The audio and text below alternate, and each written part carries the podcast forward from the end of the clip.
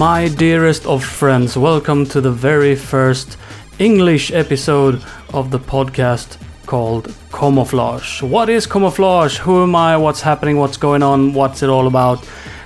Don't worry about that. I will tell you everything, just not right now because um, I'm not the kind of guy that likes to front load the episode with a lot of talk.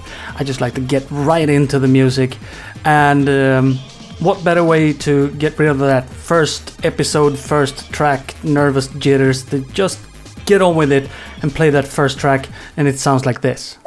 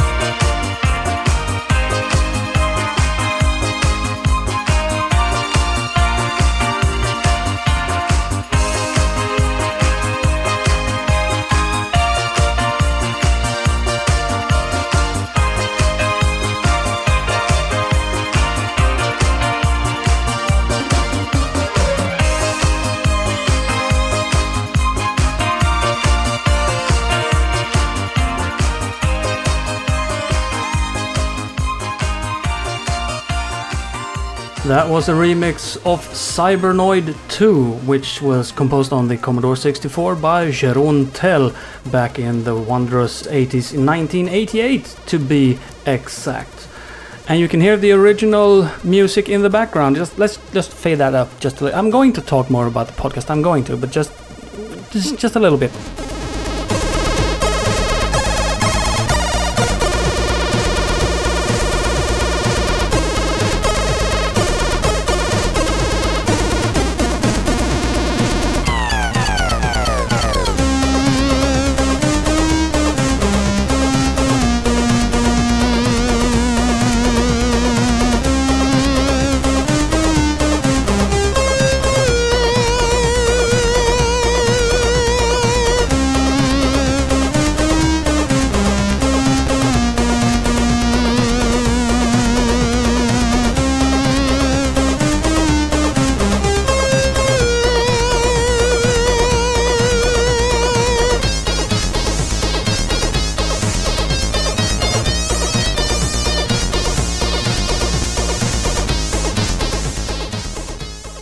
That is the original version as it was played on the wondrous SID chip, which was in the home computer Commodore 64, which, according to a lot of sources, is the best selling computer model of all time, selling 30 million units.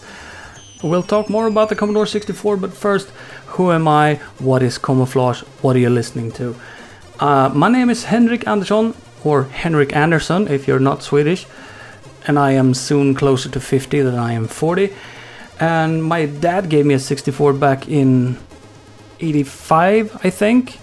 I was 11, and I had previously seen the computer at his friend's house uh, where I played a couple of games like Impossible Mission, which was incredible, and uh, it's still incredible today. And my dad uh, got me my own Commodore 64 for my birthday one year and along with that I got an original tape of the game Rambo First Blood Part 2 and that music by Martin Galway blew my mind and I was hooked on music from the Commodore 64 for the rest of my life. We're not listening to any of the Rambo music in this episode, but trust me, we will get back to that one. As I use this computer every day for many years, I started to love the music and I was recording the music to tape so I didn't have to load up games just to listen to it. And then as I got older, I got an Amiga, and you know, you lost sight of the 64 because it was old news. And then many years later, you got back to the 64 for its original sound. And in the uh, early 2000s, I think the remix community of 64 uh, tunes really started to grow and I was hooked on that. Uh, well, since then. About seven years ago, there was another Swedish podcast called Bitar till kaffet, uh, which would play demo and game music from old computers like the 64 and the Amiga and the Atari ST and other uh, more obscure systems. And every time he played a 64 tune, I was like, oh man, you should have played that remix, or oh man, you should play this 64 music instead. And after a while, I was like, well, I guess I have to start my own podcast and do that. So I did. I named the podcast Camouflage because it plays camouflaged Commodore tunes. Get it? My girlfriend actually figured that name out, but she doesn't remember that she did, so I don't have to give her credit, but I do because I'm stupid.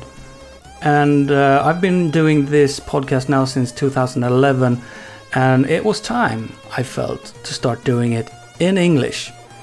Uh, so, what I was playing in that original podcast was mostly remixed Commodore 64 music, but I'm thinking that the uh, video game music podcast crowd of today seems to not know that much about the Commodore 64. Every video game music podcast seems to have a Commodore 64 special somewhere, and uh, with very few exceptions, it's uh, by people who don't really know the 64 and just found a bunch of random tunes which they liked and played.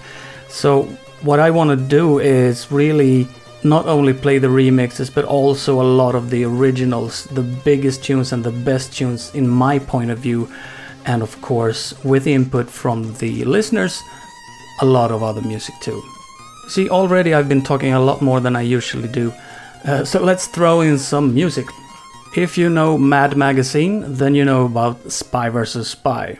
It's a black and white spy that tries to kill each other all the time, and of course, they made games about these guys. Uh, I think there were three of them on the Commodore 64. The music for the games are very minimalistic, so taking on them to remix them is quite a feat. Let's listen to the original music first from Spy vs. Spy, the first game by Nick Scarim, made in 1984, and follow that up with the remix by Peter W., made in 2007.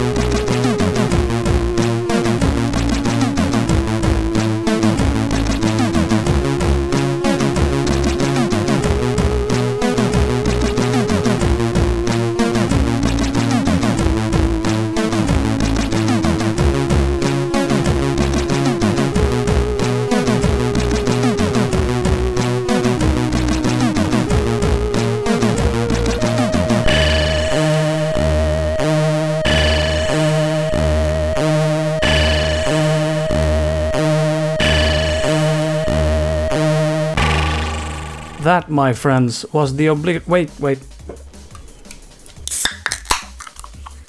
I almost forgot. When listening to Camouflage, enjoy a nice cold can of Pepsi Cola.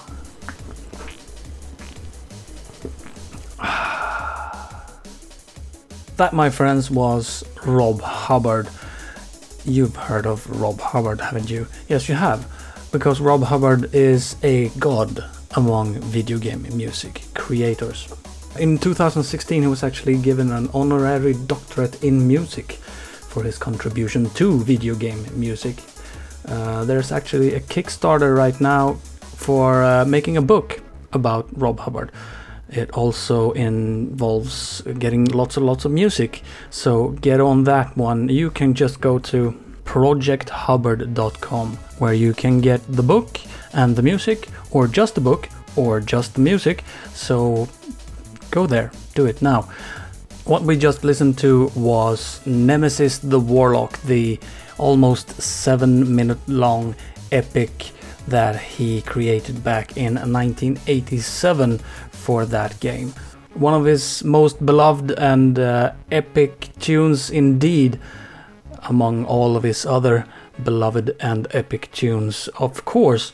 But Rob Hubbard will return to this podcast. Uh, it's hard not to play Rob Hubbard. He just sneaks in and seems to have uh, created way too many of the tunes that I love. So you'll just have to deal with that, I guess but then uh, the remixes of his tunes will be played in a lot of different styles, so I guess it evens out in the end. Another guy that inevitably has to be played in Camouflage is Martin Galway, because Martin Galway is a genius.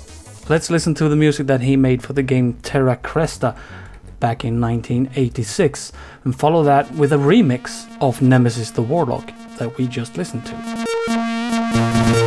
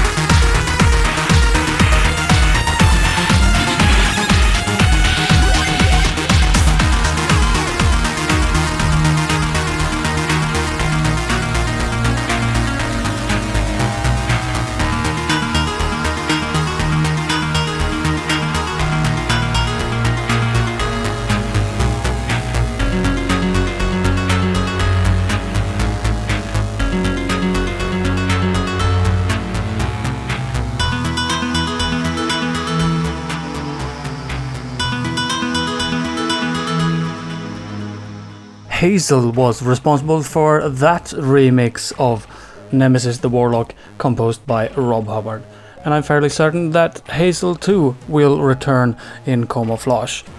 But let's take a second and talk about what is the Commodore 64. Well, as I said, it's the best selling computer model of all time, and uh, the following facts I will uh, sort of read from this text file here, which means that I will sound even more stiff than I do usually. It went on sale in 1982 and it was manufactured and sold all the way up to 1994. It was a follow up to the VIC 20, and in some countries, like in Sweden, it was marketed as the VIC 64. It's got a processor that runs at about 1 MHz. The NTSC version is slightly faster, and the PAL version is slightly slower. It has 64 kilobytes of RAM, hence the name. The video chip is called VIC-2, while the VIC-20 had the VIC-1. Uh, the VIC-1 only had 176 by 184 pixels, and the VIC-2 is capable of 320 by 200 pixels of resolution with 16 colors. The VIC-1 chip also had integrated audio, but on the 64 the sound had its own chip. The chip is called SID, which is short for Sound Interface Device. So basically there's two Italian mobsters, Vic and Sid. It has three separate audio oscillators channels, each capable of creating sawtooth, triangle, square, and noise waveforms independently. The designer of the SID chip is called Bob Yannes. He had big plans for the SID chip. He wanted 32 independent voices and more advanced filters, but time constraints and money constraints limited the design to three voices with some bugs and signal leakage and poor signal to noise ratio. Uh, Yannes would later go on to found the company Ensoniq, which, if you're a synthesizer musician, you know about. Their ESQ1 keyboard is said to be the closest thing to what Yannes originally envisioned for the SID. Uh, himself pretty much never looked back and has said in his very few interviews that he is amazed that people still care so much for the SID and that he hasn't really bothered with listening to any of that music. So, yeah. Uh, the SID chip had two different versions. Alright, so there were actually five, but just to keep it simple, let's stick to the two main versions. Revision 2 called the 6581 and the revision 5 called the 8580. The 6581 actually didn't follow the specifications made for the SID chip and uh, introduced a number of flaws. For example, using the volume control would introduce an unwanted clicking sound. And this flaw was then exploited by clever programmers who would mess with the volume register to play back samples. Uh, these and more flaws became part of the music that people created, and when the second generation of 64s were released, they had the 8580 SID chip, which was reconstructed to follow the original specifications. So the flaws were gone, and a lot of music suddenly sounded differently. For example, the sample playback, which a lot of musicians had started to use, didn't work as well anymore. One of the most classic examples of this is Rob Hubbard's Skate or Die, where the sampled heavy metal guitar and synths almost disappeared. Conversely, music which was later created using the 8580 and the special tricks that it could do could sound wrong on the older models. Uh, let's talk a little bit more about camouflage and uh, the format. And um, what I usually do is just play two tracks in a row. Like I introduce now, you will hear this song, and then, then I play that song, and another song follows it. And then when that is over, I say, You just heard blah blah blah. That's how I usually do it. Now, however, I will also be playing a lot of the original SIDs, and um, at least in the first episodes, I will play the original SIDs of a tune before you hear the remix.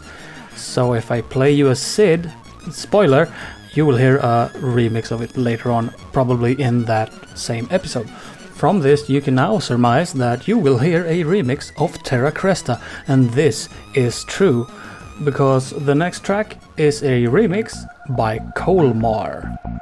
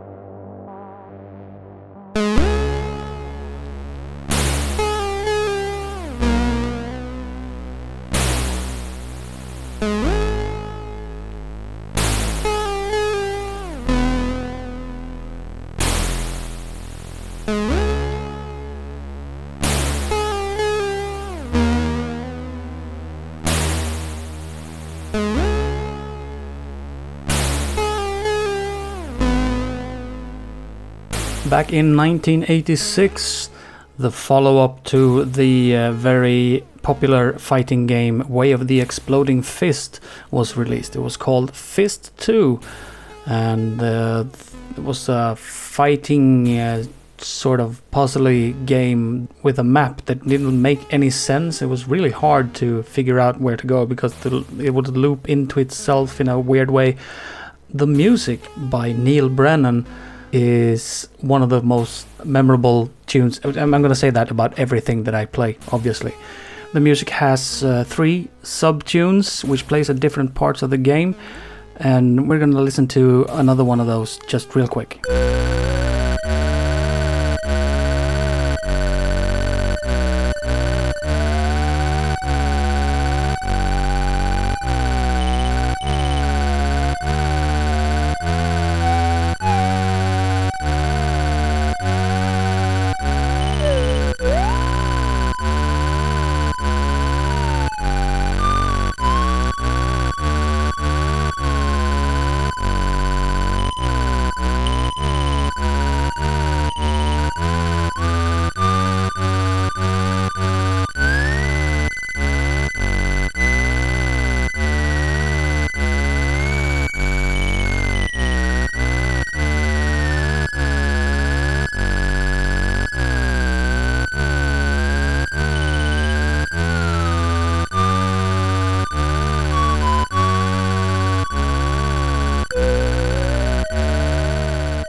Brennan composed a lot of other great Commodore 64 music. The uh, precursor to Fist 2, Way of the Exploding Fist, the follow up Fist Plus, and Bazooka Bill, among other great tunes. And actually, he reused one of the tunes from the game Hobbit in Fist 2, but we don't hold that against him because it's really, really good.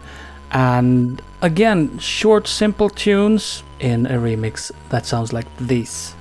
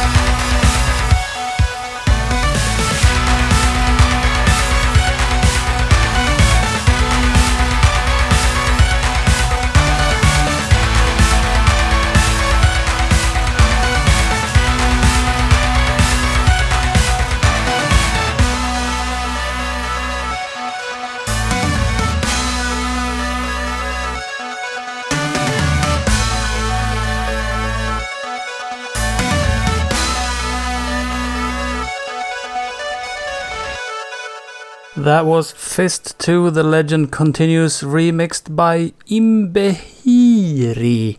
Parentheses Psyme end parentheses. Imbehiri. Parentheses Psyme end parentheses.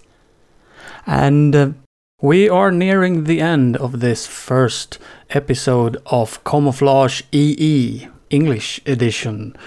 And uh, before I go into that outro speech, we just have to go back to Rob Hubbard again just a little bit. You see, there was a game that was released in 1987 called Thanatos, or Thanatos, Thanatos, Thanatos, who knows, I don't know. It's about a big green dragon which you fly around and you kill things. Great game but the music is actually not original because the game was first made on the ZX Spectrum by a guy called Julian Breeze, which I interviewed for a show uh, in text only, unfortunately. But you can find the interview with Julian Breeze on the Camouflage site. But first, let's just compare and contrast and see if you think that Rob Hubbard took this uh, somewhat primitive Spectrum tune and made it into a Commodore 64 classic.